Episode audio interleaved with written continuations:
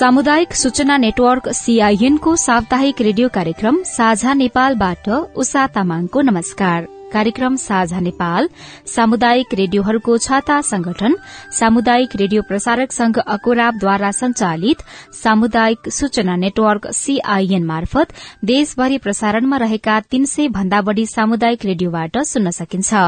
साझा नेपाल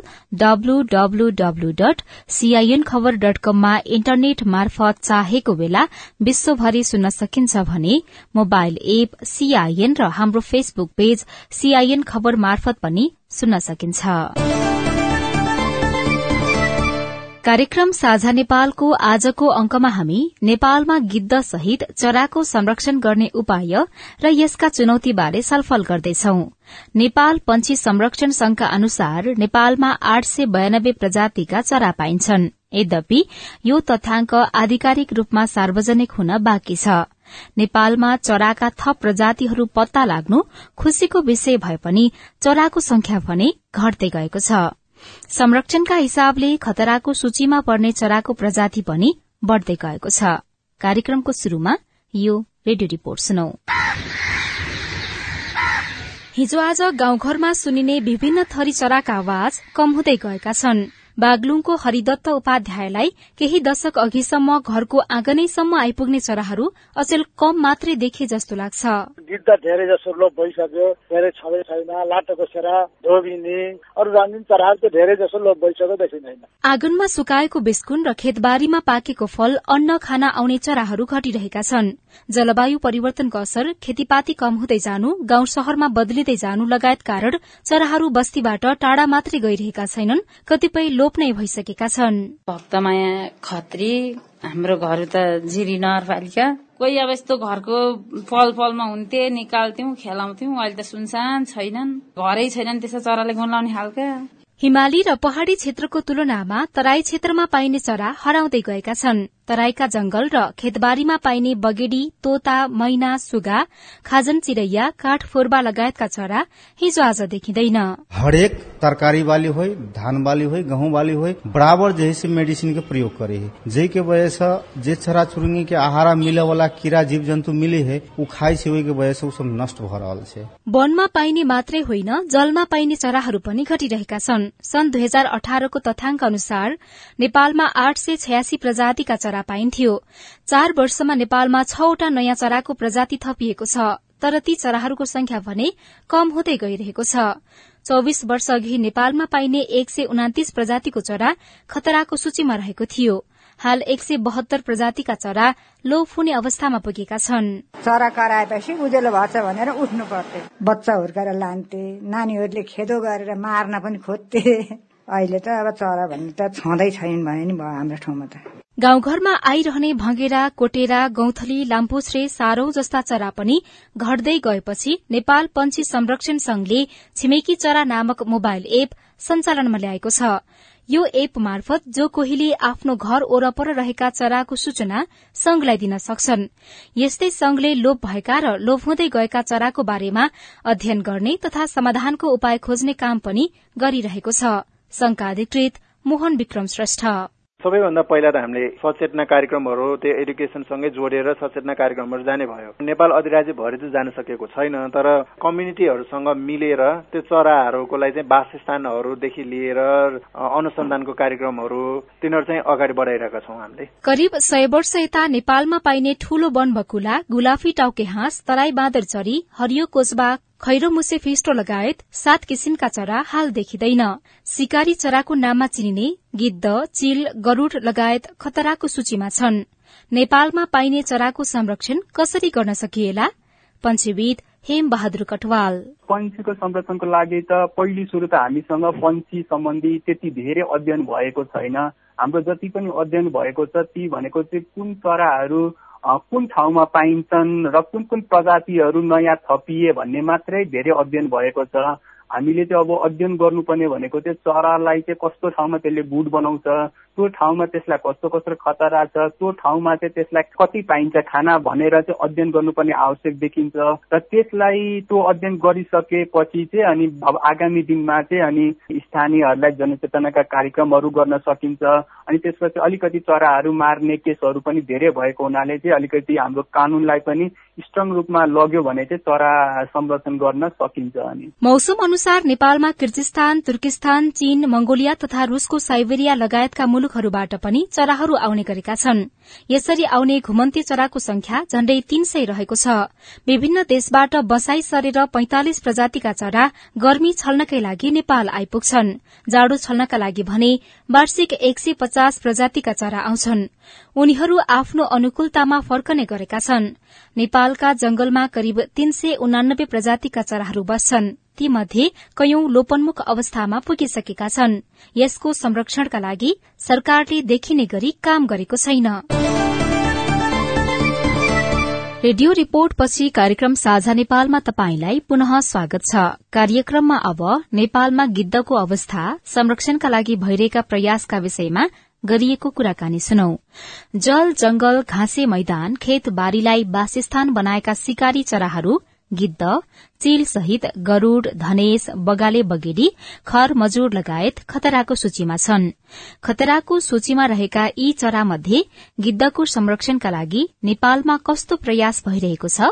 साथी अविनाश आचार्यले पंक्षी संरक्षण नेपालका गिद्ध संरक्षण कार्यक्रम प्रबन्धक अंकित विलास जोशीसँग कुराकानी गर्नुभएको छ। नेपालमा गिद्धहरूको अवस्था चाहिँ के छ गिद्ध भन्न साथै पहिलो सुरुमा त यो बर्ड्स अफ प्रे भनेर सिकारी चरामा पर्छ। तर यो आफैले चाहिँ शिकार गर्ने होइन कि मरेको जनावरको मात्रै सिनो खाने। होइन यसरी मरेको जनावरको सिनो खाएर चाहिँ त्यो सिनोबाट हुन सक्ने प्रदूषण हुने अब वातावरण दुर्गन्ध फैलिन सक्ने होइन रोगहरू लाग्न सक्ने हो। त्यस्तो चाहिँ अब गिद्धले चाँडैभन्दा चाँडै खाइदिएर चाहिँ त्यस्तो वातावरण प्रदूषण हुनबाट चाहिँ बचाएको चाहिँ हामीलाई गिद्धबाट चाहिँ धेरै फाइदा हुन्छ। जसरी त्यसको इकोलोजिकल रोल हुन्छ फुड चेनहरूमा हुन्छ। त्यो चाहिँ गिद्धले चाहिँ हामीलाई प्रत्यक्ष रूपमा चाहिँ फाइदा पुर्याइराखेको हुन्छ होइन? अब केही गरी त्यो सिनो चाहिँ त्यो ठाउँमा छ तर गिद्ध भएन भने चाहिँ के हुन्छ भने त्यो सिनो सडे सड्ने भयो। त्यो सिनो केही गरी पानीमा गयो भने त्यो पानी हामीले खायो भने हामीलाई रोग लाग्न सक्ने भयो झाडा पखाला आउँ जस्ता रोगहरू फैलिन सक्ने भयो। एउटा गिद्ध मानिसको स्वास्थ्यसँग प्रत्यक्ष रूपमा जोडिएको रहेछ होइन? हजुर प्रत्यक्ष रूपमा जोडेको छ। अब केही गरी त्यो सिनोमा गिद्ध नभएको ठाउँमा सिनो छ भने त्यो सिनो खाने अरू जनावरहरू हुन्छन् जस्तै कुकुरहरूको संख्या बढ्न सक्ने स्यालहरूको संख्या बढ्न सक्ने। त्यो भएको कारणले अब स्याल कुकुर झगडा गरेर आयो र मानिसलाई टोक्यो वा हाम्रो गाईबस्तुलाई टोक्यो भने रेबिज लाग्न सक्ने गाईबस्तुलाई टोक्यो भने एन्थ्राक्स ब्रुसेलिस जस्ता रोगहरू लाग्न सक्ने हुन्छ।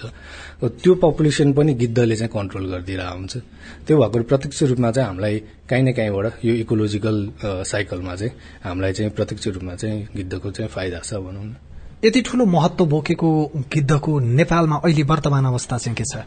नेपालमा चाहिँ विशेष गरी दक्षिण एसियामा नौ प्रजातिका गिद्ध पाइन्छन् र ती नौ प्रजातिकै गिद्धहरू चाहिँ नेपालमा पाइन्छ। नौ प्रजातिका गिद्ध सबै रैथाने चाहिँ होइन। जुन गुड बनाएर यहाँ बस्छन् त्यो चाहिँ छ प्रजातिका गिद्धहरू चाहिँ नेपालमा बस्छन् भने तीन प्रजातिका गिद्धहरू छन्। जुन चाहिँ लामो ठुडे गिद्ध भन्छ राज गिद्ध भयो अर्को चाहिँ खैरो गिद्ध भयो। त्यो गिद्धहरू चाहिँ विन्टर माइग्रेन्ट भनेर जाडो छल्न बेलामा जाडोमा चाहिँ यहाँ आउने गर्छन्। ती सबै प्रकृतिका गिद्धहरूको भूमिका चाहिँ एउटै हुन्छ यो प्रकृतिका लागि अथवा मान्छेका लागि? हजुर सबै पाउने जति सबै गिद्धहरू चाहिँ सिनै खाने भए त्यो अब शिकार नगर्ने भए सबैको रोल चाहिँ आफ्नो आफ्नो ठाउँमा एउटै छ। तर कुनै चाहिँ अब माथि हाई हिमालयनतिर बस्छ जुन चाहिँ हिमाली गिद्ध भन्छौँ हामीले त्यसको बच्चाहरू चाहिँ जाडोमा तल आउँछन् तर ब्रिडिङ गर्न चाहिँ माथि नै क्लिफमा गर्छन् तिनीहरूले पहरामा गर्छन्। कोही कारण चाहिँ के हो? पहरामा मतलब माथि चाहिँ कस्तो छ भने हाम्रो कल्चरल्ली र रिलिजियसली पनि हेर्नु हेर्दाखेरि कल्चरल्ली हेर्ने हो भने रामायणमा तपाईँको रावणले चाहिँ सीतालाई हरण गर्न जाने बेलामा त्यहाँ जटायु भनेर गिद्ध छ। उसले चाहिँ आफ्नो प्राणै आहुति दिएर चाहिँ सीतालाई बचाउन खोजेको भनेर रामायणमा उल्लेख गरेको छ। अर्को भनेको शनि देवताको वाहन भनेर पनि हामीले चिन्छौँ होइन? त्यसरी पनि पुज्ने गरिन्छ गिद्धलाई। अर्को माथि हाई हिमालयनमा चाहिँ के हुन्छ भने टिबेटन मुलुकका वा लामा समुदायका कम्युनिटीहरूले चाहिँ आफ्नो मृतक हुन्छ नि आफ्नो आफन्तको मृत्यु शरीरलाई चाहिँ गिद्धलाई खुवायो भने चाहिँ चाँडै चाहिँ स्वर्गमा पुग्छन् भन्ने चाहिँ विश्वास छ। अनि त्यो भएको कारणले पनि अब गिद्धलाई खुवाउने चलन छ माथि अप्पर मुस्ताङतिर दोल्पातिर हुम्लातिर होइन। त्यस्तो चलन छ भने अर्को चाहिँ अब माथि हिमाली भेगतिर गाईबस्तुहरू त्यो भेडा च्याङ्राहरू लगाउनेको बेलामा अब भिरबाट खस्ने त्यो भएको भएर कारणले पनि माथि हिमाली भेगमा चाहिँ अलिक बढी हिमाली गिद्धहरू चाहिँ छन्। अब उनीहरूको नेचरै कस्तो हो भने पहरामा गुड बनाउँछ। त्यो पहरामा गुड बनाउनु कारण चाहिँ के हो भने कसैले पनि त्यो गिद्धको बच्चालाई चाहिँ कोही प्रिडेटरले चाहिँ एट्याक गर्न नसकोस् त्यो अन्डा लान नसकोस् बच्चा लान नसकोस् भनेर एकदमै कोही पनि जान नसक्ने पहरामा चाहिँ गुड बनाएको हुन्छ। गिद्धले आफैले आफैलाई संरक्षण गर्नका लागि त्यति धेरै उपायहरू अपनाइराखेको हुन्छ। त्यही पनि नेपालमा पछिल्लो नब्बेको दशकलाई हेरौं र अहिले हेरौं भने गिद्धको संख्या लाखौंको संख्यामा घटिरहेको छ। यसको कारण चाहिँ के हो? हजुरले सही कुरा भन्नुभयो। जुन चाहिँ उन्नाइस सय अस्सीको दशकमा हेर्ने हो भने नेपालमा पनि पाँचदेखि दस लाखको हाराहारीमा गिद्ध पाइन्छ भन्ने छ होइन। अब इन्डियाकै कुरा गर्ने हो भने थुप्रै करोडौँको रूपमा चाहिँ गिद्धहरू थिए। तर बिस्तारै त्यो उन्नाइस सय अस्सीबाट चाहिँ गिद्धहरू बेसरी मरे मरेको चाहिँ भेटिन थाल्यो। अब त्यो मरिसकेको सबहरूलाई चाहिँ अब साइन्टिस्टहरूले के किन मर्यो त भनेर पत्ता लगाउनलाई चाहिँ अब मेन चाहिँ दुई हजार तीनमा पाकिस्तानमा चाहिँ यसको मेन कारण चाहिँ पत्ता लगायो। त्यो चाहिँ डाइक्लोफिनाक भन्ने औषधि। यो डाइक्लोफिनाक औषधिले चाहिँ चाहिँ गिद्ध मरेको भन्ने चाहिँ पत्ता लगायो। त्यो डाइक्लोफिनाक औषधि चाहिँ कस्तो हो भने पीडनाशक औषधि भन्छ पेन किलर औषधि जुन चाहिँ क्याटलहरूमा लगाइदिने गाईबस्तुमा लगाइदिने उसलाई ज्वरो आयो भने खुट्टा सुन्नेको वा दुखेकोमा चाहिँ त्यो इन्जेक्सन लगाइदिने औषधि। केही गरी त्यो गाईबस्तु चाहिँ सातदेखि दस दिनभित्र मर्यो भने मरेपछि त फाल्ने भयो पहिला पहिला। अनि त्यो फालेकोमा त्यति थुप्रो गिद्ध थियो कि एउटै सिनोमा तीन सय चार सय पाँच सयवटा गिद्धले खाने भयो अनि त्यो सबै गिद्धमा चाहिँ त्यो मासुबाट चाहिँ उसको शरीरमा डाइक्लोफिनाक क्याटलबाट भल्चरको शरीरमा जाने र त्यसपछि चाहिँ उसको युरिक एसिड बढ्ने र उसले किडनीले छान्न नसक्ने भइसकेपछि चाहिँ त्यो क्रिस्टल क्रिस्टल भएर बाहिर जम्ने भएर चौबिस घण्टामा चाहिँ गिद्धको मृत्यु हुने भन्ने कारण पत्ता लगाइसकेको चाहिँ हो। मेन कारण चाहिँ यही एनएसआइडी औषधिले गर्दाखेरि चाहिँ गिद्धको चाहिँ यसरी ड्रास्टिक रूपमा चाहिँ पपुलेसन घटेको अब अहिले त अहिले पछिल्लो समय त नेपालमा त्यो औषधि प्रतिबन्ध छ। भारतमा पनि त्यो औषधि प्रतिबन्ध लगाइएको छ स्वयं पाकिस्तानमा पनि त्यो औषधि प्रतिबन्धित छ। प्रतिबन्धित हुँदा हुँदै पनि फेरि गिद्ध घटिरहनुका अर्का कुनै कारणहरू छन्? मेन कारण भनेको चाहिँ यही एनएसआइडी औषधि नै हो जुन चाहिँ डाइक्लोफिनाक नेमोसिलाइट केटोफ्लोफिन एसिक्लोफिनाक भन्ने यो औषधिहरू छन् जुन चाहिँ डाइक्लोफिनाक जस्तै गिद्धलाई असर गर्छन्। तर नेपाल सरकारले पनि दुई हजार छमा सन् दुई हजार छमा चाहिँ यसको बिक्री वितरण गर्ने ल्याउने अनि बेच्ने चाहिँ प्रतिबन्ध लगायो जुन चाहिँ तपाईँले भने जस्तै पाकिस्तान बंगलादेश यो साउथ एसिया रिजनमै ब्यान्ड गरिसक्यो। तर त्यो त्यति ब्यान्ड गर्दा गर्दै पनि अरू औषधिहरू छन् जुन नेमुसलाइट केटोप्रोफिनहरू छन् जुन चाहिँ डाइक्लोफिनाक जस्तै काम गर्छ भनेर साइन्टिफिकली प्रुभ भइसक्यो ती औषधिहरू अझै पनि बजारमा अभाइलेबल छन् र ती पनि ब्यान्ड गर्नुपर्छ भनेर हामीले चाहिँ अझै पनि डाइलगहरू चाहिँ गभर्मेन्टसँग गरिरहेकै छौँ। र त्यो बाहेक चाहिँ हजुरले भन्नुभयो जस्तै यो डाइरेक्ट गिद्धलाई मार्ने भनेर चाहिँ होइन कि स्याललाई मार्नलाई चितुवालाई मार्नलाई वा कुकुरलाई मार्नलाई चाहिँ सिनोमा विष हालिदिने र खुला ठाउँमा फालिदिने र त्यो खुला ठाउँमा फालिदिएपछि त अब सिनो खान त गिद्ध आउने भयो र त्यो इन्डाइरेक्ट पोइजनिङले पनि गिद्धहरू मरिरहेको। जुन चाहिँ लास्ट इयर तपाईँले नवलपरासीको होइन रामग्राममा सिक्सटी नाइनवटा भल्चरहरू एकै ठाउँमा मरे जुन चाहिँ कुकुरमा विष हालेको थियो होइन। त्यसरी विष हालेर मर्ने चाहिँ ट्रेन्ड चाहिँ अहिले अलिकति चाहिँ देखिएको छ। र त्यो सँगसँगै चाहिँ अहिले अव्यवस्थित के भन्छ हाम्रो बिजुलीको तारबार हुन्छ नि। त्यो बिजुलीको तारबार अब त अझै पनि नेपालमा धेरै ट्रान्समिसन लाइनहरू बढ्दैछन्। त्यो ट्रान्समिसन लाइनमा पनि गिद्ध पास हुने ठाउँहरू छन् गिद्धको नेस्टिङ कोलोनीहरू छ होइन? गिद्धले खाने फिडिङ ठाउँहरू छन्। त्यस्ता ठाउँमा चाहिँ त्यो अव्यवस्थित तारहरू हुन्छ नि जसमा चाहिँ करेन्ट लगाएर मर्ने दर पनि अलिकति बढीको चाहिँ हामीले भेटेका छौँ। र त्यो सँगसँगै हजुरले भने जस्तै गिद्धको वासस्थान हुन्छ जुन चाहिँ गुड बनाएर बसेका रुखहरू त्यो रुखहरू चाहिँ ढालिदिने होइन? अनि भइरहेको वासस्थान चाहिँ अब उनीहरूले सिफ्ट गर्नुपर्ने बाध्यता आइरहेको छ कि? जुन चाहिँ अब पहिलादेखि बनाइरहेको उनीहरूको गुड छ त्यसमा चाहिँ अब काटेर अब एग्रिकल्चर ल्यान्डहरू बनाइदिने वा के भन्छ? घरहरू बनाउनलाई प्लटिङहरू गरिदिने। अनि त्यो सँगै सँगै चाहिँ कतिवटा ठाउँमा अब अहिले पोखरा मुगलिनकै केसमा पनि हेर्नुभयो भने एउटा बाटोसँगै एउटा गुण बनाएर बस्नु भएको थियो त्यो सिलिन्डर बिल भल्चरको। त्यहाँ त बच्चा हुर्काउँदै पनि थियो चराले। हजुर बच्चाले बच्चा हुर्काउनलाई ऊ इन्क्युबेसनमै थियो। त्यो पनि रुख ढाल ढालेको अवस्थामा चाहिँ अब त्यो चाहिँ कतै न कतै सिफ्ट हुनुपर्ने बाध्यता भयो। अब यस्ता थोरै केसहरू चाहिँ अझ पनि छन्। गिद्धलाई जटायुका रूपमा धर्म ग्रन्थहरूमा पूजा गरेको हामीले भेट्छौं। अर्कोतर्फ विभिन्न वैज्ञानिक कारणहरूले गर्दाखेरि गिद्ध मानिसका लागि र प्रकृतिका लागि पनि अपरिहार्य जुन अघि तपाईँले भनिहाल्नुभयो। एउटा व्यक्तिले एउटा गिद्ध संरक्षणका लागि के के कुरा गर्न सक्छ? हाम्रो यो संवाद जति श्रोताहरूले सुनिराख्नु भएको छ यदि उहाँले आफ्नो गाउँठाउँमा एउटा गिद्ध भेट्नुभयो भने उहाँले त्यो गिद्ध संरक्षणका लागि चाहिँ कसरी भूमिका खेल्न सक्नुहुन्छ? गिद्ध संरक्षणको लागि त भनिहाल्यो नेपाल सरकारदेखि हामी जस्तो बिसिएन संरक्षण सहकारीदेखि लिएर धेरै धेरैजना अब मान्छेहरू लागि परेका छन् र सबैभन्दा बढी लाग्नुभएका भनेको कम्युनिटीका मान्छेहरू। कम्युनिटीको मान्छे अहिले यसरी नलागेको भए हाम्रो नेपालमा गिद्धको पपुलेसन चाहिँ इन्क्रिज हुने ट्रेन्ड चाहिँ एकदमै कम हुन्थ्यो। जुन चाहिँ अब हाम्रो जटायु रेस्टुरेन्ट भनेर छ जहाँ चाहिँ भल्चरलाई अब डाइक्लोफिनाकले मर्ने भनेर थाहा पाइसकेपछि त्यो डाइक्लोफिनाक रहित खाना खुवाउने भनेर जटायु रेस्टुरेन्ट भनेर खोलेको छ। नवलपरासी सहित विभिन्न स्थानमा छन् नवलपरासी सहित विभिन्न स्थानमा चाहिँ गिद्धलाई शुद्ध आहार खुवाउने भनेर त्यस्तो शुद्ध आहार केन्द्र भनेर चाहिँ जटायु रेस्टुरेन्टहरू चाहिँ नेपालमा सात ठाउँमा खोलेको छ होइन। त्योसँगै चितवनमा कसरामा चाहिँ यसको प्रजनन केन्द्र नै उसको वासस्थानका लागि भनेर खोलिएको छ। त्यस बाहेक पनि विभिन्न समुदाय स्तरबाट भइरहेका प्रयास र राज्यबाट पनि केही भइरहेका प्रयास भए आम नागरिकले पनि के भूमिका खेल्न सक्छन् भन्नेतिर मेरो प्रश्न अंकित थियो। विशेष गरी अब जटाई रेस्टुरेन्टमा भने जस्तै कम्युनिटीले गरिरहेछन्। त्यसरी नै अरू स्थानीय सरकारहरूले पनि आफ्नो ठाउँमा चाहिँ गिद्धलाई खुवाउने र छाडा गाई गोरुहरू पालेर मरिसकेपछि गिद्धलाई खुवाउने भनेर यसरी रेसुङ्गामा भयो यो तनहुमा भयो होइन शुक्लाफाटातिर एरिया भयो। त्यहाँ पनि स्थानीय सरकारहरूले आफ्नो तहबाट चाहिँ उहाँहरूले पनि हेल्प गरिराख्नु भएको छ। र त्यो साथसाथै चाहिँ आम नागरिकहरूले चाहिँ के गर्न सक्नुहुन्छ भने भल्चरको नेस्टिङ भएको ठाउँ जुन चाहिँ जंगलमा छ। त्यो चाहिँ गुडहरू बनाएर बसेको ठाउँ। हजुर गुड बनाएर बसेको ठाउँहरूमा चाहिँ त्यो गुड बनाउने पिरियड भनेको चाहिँ उसको छ महिना जस्तो हुन्छ। अहिले असोजबाट सुरु गर्छ भने लग लग नोभेम्बरबाट सुरु गर्छ भने मार्च अप्रेलमा चाहिँ उसले उडाइसक्छ होइन? त्यो बेलामा चाहिँ गिद्धको गुडमा चाहिँ डिस्टर्ब नगरिदिने होइन? अनि त्यस्ता रुखहरू नकाटिदिने ठूला ठूला रुखहरू जुन चाहिँ गिद्धलाई एकदमै मनपर्ने रुखहरू हुन्छन् जुन चाहिँ साज सल्ला सिमल हजुर त्यो चाहिँ ठुल्ठुला रुखहरू छन् त्यस्ता रुखहरू नकाटिदिने। अनि उहाँहरूको गाईबस्तुहरू चाहिँ मरेको छ भने निश्चित ठाउँमा गिद्धले खाने ठाउँमा खुला ठाउँमा जहाँ त्यहाँ समुदायले टोकेको ठाउँ हुन्छ त्यो ठाउँमा लगेर फालिदिने। र केही गरी गिद्धहरू घाइतेहरू भेटेका छन् भने नजिकको वनमा हुन्छ वा डिभिजन वन भयो अब कुनै राष्ट्रिय निकुञ्ज छ भने राष्ट्रिय निकुञ्ज वा संरक्षण गर्ने संस्थाहरूलाई खबर गरिदिनु पर्यो होइन?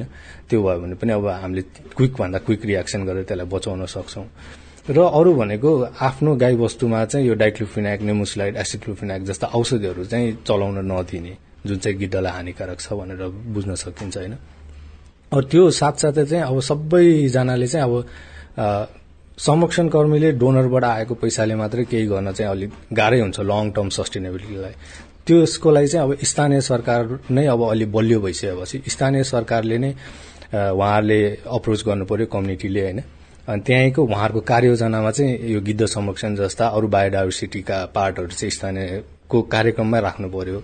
अनि निकुञ्जहरू भन्दा पनि गिद्धहरू चाहिँ बाहिर छ जुन चाहिँ कम्युनिटी फरेस्ट एरियातिर गुणहरू बनाउँछन् हो त्यस उहाँहरूको कम्युनिटी फरेस्टको कार्ययोजनाहरूमा पनि यस्तो संरक्षण कार्यहरूमा चाहिँ उहाँले राखिदिन चाहिँ सक्नुहुन्छ जसले गर्दा चाहिँ सस्टेनेबल्ली कम्युनिटी लेभलबाटै नै काम गर्न चाहिँ अलिक सजिलो हुन्छ। हामीले अहिले गिद्ध संरक्षणलाई चासो देखायौं भने यो हाम्रा लागि र विश्वकै लागि गौरवको कुरा पनि हुन सक्छ। गिद्ध संरक्षणमा चाहिँ अरू देशभन्दा नेपाल चाहिँ अलिक अगाडि नै छ। जुन कुरामा चाहिँ हामीले चाहिँ गौरव गर्नुपर्छ होइन। स्थानीय तहदेखि लिएर हाम्रो संरक्षण संस्थादेखि लिएर नेपाल सरकारले गरेको कामहरू चाहिँ हामीले जे गरेका छौं त्यो चाहिँ अरू देशले चाहिँ सिके सिकिरहेको छ। अब दक्षिण एसियाका भारत बंगलादेश पाकिस्तानदेखि साउथ अफ्रिकासम्म हामीले गरेका गिद्ध संरक्षणका कामहरू चाहिँ उहाँले सिकेर चाहिँ उहाँले लागू गर्नुभएको छ। अब त्यस्तै अब नेपालमा पाँचदेखि दस लाख गिद्ध थियो भनेर देखाएको होइन सोह्र करोड छ भनेर।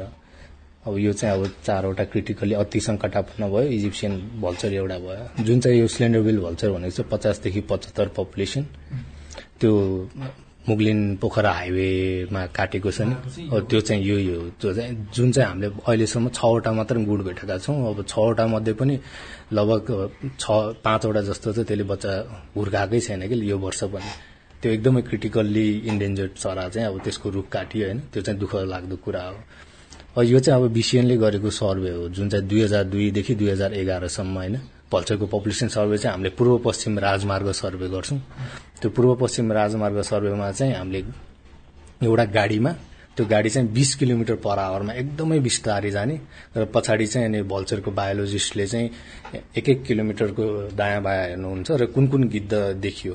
होइन कुन प्रजातिका गिद्ध देखियो बच्चा हो कि ठुलो एडल्ट हो कि के हो भनेर अनि के गरिरहेछ उडिरहेछ कि खाइरहेछ कि के छ भनेर देखेको जति प्रजातिहरू चाहिँ हामीले नोट गर्छौँ।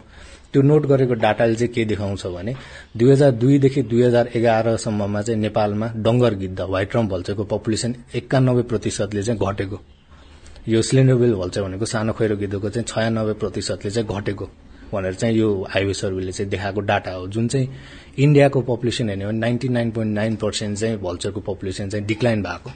नेपाल सरकारले पनि कृत्रिम वातावरणमा चाहिँ अब गिद्धलाई हुर्काएर त्यो हुर्केका गिद्ध वा त्यसबाट जन्मेका बच्चाहरूलाई चाहिँ प्रकृतिमा छोड्ने छोडेर चाहिँ प्रकृतिको पपुलेसनलाई चाहिँ इन्क्रिज गराउने उद्देश्यले चाहिँ खोलेको र हामीले अहिले छोड्ने क्रम चाहिँ जारी गरिसकेको छौँ र त्यो छोड्ने बेलामा हामीले अहिले थर्टी नाइनवटा क्याप्टिभ पपुलेसन चाहिँ ब्रिडिङ सेन्टरबाट छोडिसकेका छौँ त्यो छोड्ने बेलामा चाहिँ हामीले सेटेलाइट ट्याग लगाइदिन्छौँ। त्यो सेटेलाइट ट्यागले चाहिँ अब त्यो गिद्ध कहाँ कहाँ उठ्छन् कति डिस्टेन्समा उठ्छ त्यसले त्यो उडेको ठाउँ चाहिँ के हो भनेर हाम्रो फेरि बायोलोजिस्ट त्यो ठाउँमा गएर हेर्न जानुहुन्छ ग्राउन्ड ट्रुथिङ गर्न। त्यो फिडिङ गर्ने ठाउँ हो कि गुड बनाउने ठाउँ हो कि नेस्टिङ गर्ने ठाउँ हो कि भनेर हामीले चाहिँ त्यो अध्ययन अनुसन्धान चाहिँ गरिरहेका छौँ होइन। त्यो साथसाथै हामीले अर्को पचासवटा चाहिँ जङ्गली गिद्धलाई पनि त्यसरी नै ढाडमा ट्याग लगाएर चाहिँ छोडेका छौँ होइन? लगभग हामीले उना नाइन्टी नाइनवटा भल्चरलाई चाहिँ ट्याग लगाएर छोडिसकेका छौँ र त्यो छोड्नुको मेन कारण एउटा के पनि हो भने वातावरण चाहिँ सुरक्षित छ कि छैन भनेर हेर्नलाई। त्यो ट्याग लगाएको गिद्ध चाहिँ मरेको भेटियो भने हामीले चाँडैभन्दा चाँडै एक दुई दिनमै त्यहाँ जाने र त्यसको पोस्टमार्टम गर्ने के कारणले मर्यो भनेर चाहिँ हेर्छौँ। र त्यो मरेको कारण चाहिँ अब कुनै पनि यो यस्ता एनएसआइडी औषधि डाइक्लोफिनाक्ले औषधिले मरे छैन भने चाहिँ हाम्रो गिद्ध सुरक्षित क्षेत्र भनेर घोषणा गर्ने उद्देश्यले चाहिँ हामीले त्यसरी ट्याग गरेका थियौँ होइन।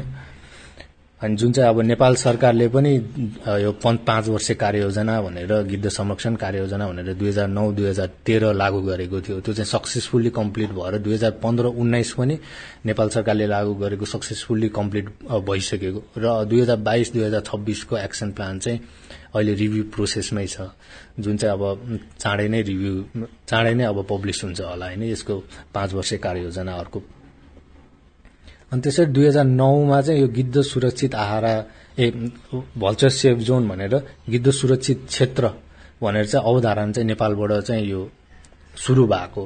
होइन यसमा चाहिँ हामीले के हुन्छ भने साइन्टिफिकली मोनिटरिङ गर्ने जुन चाहिँ भल्चरको पपुलेसनहरू नेस्ट मोनिटरिङहरू चाहिँ गर्ने। सँगैसँगै बजारमा मार्केटमा चाहिँ त्यो गिद्धलाई हानिकारक औषधिहरू के कस्ता पाइन्छन् भनेर पनि मोनिटरिङ गर्ने होइन? अनि त्यसलाई चाहिँ ब्यान्ड गर्ने प्रोसेसमा जाने। र सँगसँगै अब समुदाय र त्यहाँको सरकारवाला निकायहरूसँग चाहिँ जनचेतनाको कार्यक्रमहरू चाहिँ गर्ने होइन? त्यो चाहिँ उद्देश्यले चाहिँ भल्चर सेफ जोन भन्ने कन्सेप्ट एउटा निस्कियो। अब त्यसमा मैले भनिहालेँ बजारमा के के मार्केटमा एनएसआइडीहरू छन् भनेर चाहिँ हेर्ने सँगसँगै यो भल्चरका गुडहरू कता कता छन् भनेर हरेक वर्ष मोनिटर गर्छौँ होइन? त्यसबाट कतिवटा बच्चा जन्मियो के जन्मियो भनेर हामीले हेर्छौँ। यो डाटा एउटा छ जुन जुन चाहिँ अब यो चाहिँ भल्चरको बाहिर भल्चरको हाम्रो गुड पनि चाहिँ इन्क्रिज भएको चाहिँ हामीले भेटेका छौँ होइन? पहिलाका भन्दा अनि उसले जन्माएका गीत बच्चाहरू पनि कतिवटा चाहिँ फेलर हुन्छन्। गुड बनाउँछन् प्रजनन गर्छन् अन्डा पनि पार्छन् तर बच्चा निकाल्न सक्दैन। त्यसरी चाहिँ सेभेन्टी पर्सेन्ट जस्तो हाराहारीमा चाहिँ बच्चा चाहिँ निस्किरहेको छ सक्सेस रेट चाहिँ उसको सेभेन्टी पर्सेन्ट जस्तो छ होइन? अनि त्यसरी नै पूर्व पश्चिम राजमार्ग सर्वे गर्छ। पूर्व पश्चिम राजमार्ग सर्वे गर्दाखेरि दुई हजार दुईबाट दुई हजार एघारसम्म हेर्दाखेरि नाइन्टी वान पर्सेन्ट जस्तो होइन? डङ्गर गिद्धको घटेको नाइन्टी सिक्स पर्सेन्ट जस्तो घटेको। तर दुई हजार छमा डाइक्लोफिनाक ब्यान गर्यो कन्जर्भेसन एक्टिभिटिजहरू गर्यौं होइन? कन्जर्भेसन ब्रिडिङहरू गर्यौं धेरै प्रोसेसहरू हामीले कन्जर्भेसनको एक्टिभिटिजहरूले गर्दाखेरि चाहिँ त्यो वातावरण पनि सुरक्षित हुँदै गयो। अनि सुरक्षित हुँदै गइसकेपछि चाहिँ अहिले बिस्तारै नेपालमा चाहिँ पपुलेसन चाहिँ बढेको चाहिँ हामीले ट्रेन्ड देख्न सकिन्छ। अहिले चाहिँ बढिरहेछ त्यसको ग्रोथ। हजुर अहिले चाहिँ नेपालमा चाहिँ भल्चरको पपुलेसन चाहिँ बढेको देखिन्छ। अनि त्यसरी नै हामीले अब जंगली गिद्ध र त्यहाँबाट छोडेका गिद्धहरू चाहिँ ट्याग गरेका थियौँ होइन? फोर्टी नाइनवटा क्याप्टिभ र वाइल्ड फिफ्टी गरेर नाइन्टी नाइनवटा चाहिँ हामीले सेटेलाइट ट्याग गरेर छोडेका छौँ होइन? दुई हजार सत्रबाट चाहिँ हामीले ट्याग गरेर छोड्न सुरु गरेको अब भने दुई हजार बाइससम्ममा आएर चाहिँ उनान्सयवटा गिद्धहरू चाहिँ ट्याग गरेर छोडेका छौँ। त्यो गिद्ध ट्याग गरेकोले पनि राम्रो डाटाहरू चाहिँ दिइरहेका छन् होइन? अहिले नेपालमा चाहिँ कुन कुन ठाउँ गिद्धका लागि उपयुक्त वासस्थान छन्? विशेष गरी डङ्गर गिद्धको हेर्ने हो भने चितवन भन्दा पश्चिमतिरका साइडतिर गिद्धहरू चाहिँ बढी चाहिँ गिद्धहरूको मुभमेन्ट देखिन्छ गिद्धको वासस्थानहरू चाहिँ बढी देखिन्छ। चितवन भन्दा पूर्वतिर चाहिँ अब कुशी टप्पु एरियातिर मात्रै हामीले चाहिँ अलिकति पल्चेको पपुलेसन भेटेका छौँ। र माथि हिमाली भेगतिर त हिमाली गिद्धहरू भएको ठाउँहरू टन्नै छन् जुन चाहिँ अब अलिक एक्सेसेबल पनि नभएको र हामीले अलिकति पैसाको कस्ट पनि आउने धेरै। र एक्सेसिबल पनि नभएको भएर माथिल्लो भेगमा चाहिँ हामीले त्यति स्टडी गर्न पाएका छैनौँ।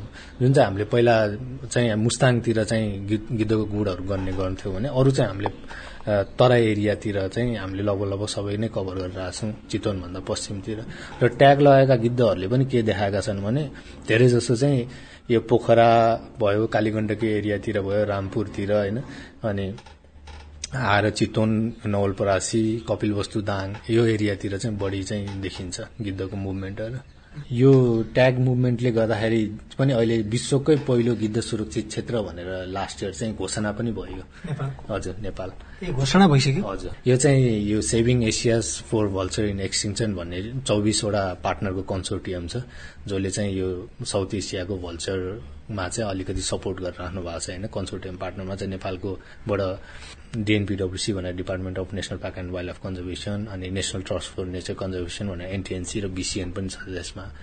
हाम्रो चाहिँ यो ट्याग लगाएको गिद्धको चाहिँ वाइल्डको सर्भाइभल रेट अरू देशको गिद्धको कम्पेयर गर्दाखेरि पनि सर्भाइभल रेट हाई भएको र ट्याग गरेको गिद्धहरू पनि कुनै पनि यो एनएसआइडी डाइक्लोफिनाक औषधि जस्ताले चाहिँ नमरेको भेटिएको र बजारमा मार्केट सर्वे गर्दाखेरि पनि यो डाइक्लोफिनाक नभेटेको कारणले चाहिँ अहिले यो जति मुभमेन्ट भएको छ यो गण्डकी र लुम्बिनी एरियामा पोखरादेखि नवलपरासी रूपन्देही एरियामा यो एरियालाई चाहिँ अहिले बढी मुभमेन्ट भएको एरियालाई चाहिँ नेपालमा चाहिँ अब संसारकै पहिलो गिद्ध सुरक्षित क्षेत्र भनेर चाहिँ घोषणा पनि गरिएको छ। हुन्छ यहाँलाई समय संवादका लागि धन्यवाद। हस् धन्यवाद हजुर। तपाईँहरूले समय दिनुभयो गिद्धको बारे अलि जनचेतना फैलाउनलाई अलिकति बढी समय दिनुभयो धेरै धेरै धन्यवाद हजुर। पन्छी संरक्षण नेपालका गिद्ध संरक्षण कार्यक्रम प्रबन्धक अंकित विलास जोशीसँगको कुराकानीसँगै हामी कार्यक्रम साझा नेपालको अन्त्यमा आइपुगेका छौं। साझा नेपाल तपाईंलाई कस्तो लाग्यो? हाम्रो टेलिफोन नम्बर शून्य एक बान्न साठी छ चार छमा फोन गरेर आफ्नो जिज्ञासा सल्लाह सुझाव तथा प्रतिक्रिया रेकर्ड गर्न सक्नुहुन्छ। हवस् त। आउँदो साता आजकै समयमा फेरि रेडियो कार्यक्रम साझा नेपाल लिएर उपस्थित हुनेछौ। त्यतिन्जेलसम्मका लागि प्राविधिक साथी सुभाष पन्तलाई धन्यवाद दिँदै उषा तामाङ विदा हुन्छु। आउँदो साताको साझा नेपालमा फेरि भेटौंला। नमस्कार।